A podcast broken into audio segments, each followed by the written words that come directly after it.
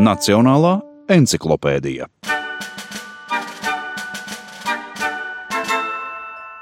Mani sauc Girts Stinkulis.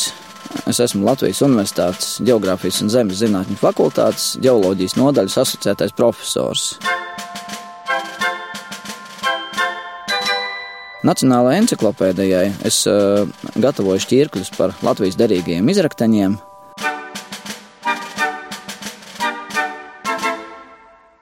Latvijā dominējošā ir nogulumiežu sēga, kas ir tāda kā liela medus torte, slāņotā kūka, zem kuras ieguļ lielā dziļumā pamatklintājas. Pamatklintāja praktiskā nozīme šobrīd nav nekāda, taču pastāv perspektīvas gan uz dzelzs rūdām, gan arī uz citiem, varbūt derīgiem izrakteņiem, uz dažādām rūdām. Nogulumiešu segā mēs izmantojam galvenokārt tās virsējo daļu, kas ieguļ līdz kādu 50 metru dziļumam.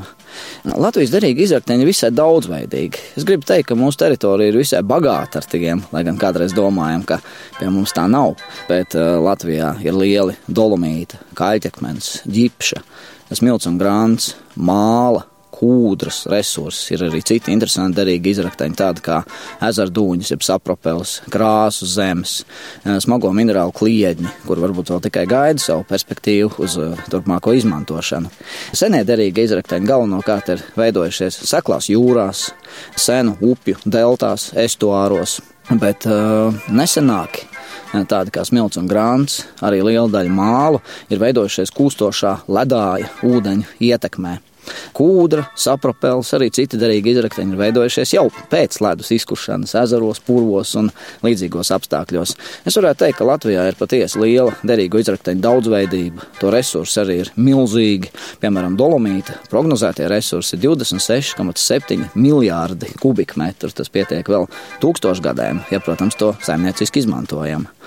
Jā, runājot par Latvijas derīgo izrakteņu iegūs vēsturi noteikti pirmie skaitļi būs ļoti grūti iegūstami, jo cilvēks kopš sāka būvēt jebkādu veidu mitekļus un, teiksim, iekopt zemi, meklēja kādus akmeņus, varbūt ar ko apstrādāt savu zemi, ko izmantot varbūt kā cirvi. Latvijā nav krāma atradumu, bet iespējams kā cita veida akmeņi ir izmantot šādiem darbiem. Bet tādi diezgan pārliecinoši dati ir par 16. un 17. gadsimtu, kad Latvijā izmantoja kaļķekmeni un arī ģipsi. 1600. gados, piemēram, Latvijas ģipšakmens savas augstās kvalitātes dēļ jau ir eksportēts, piemēram, uz Zviedriju. Un Hercoga Jēkaba laikā, kā saka, kad Latvijas ekonomika diezgan plauka, tad ļoti plaši attīstījās kaļķu dedzināšana, kaļķu cepļi un arī dažādu šo izstrādājumu transports un tirdzniecība.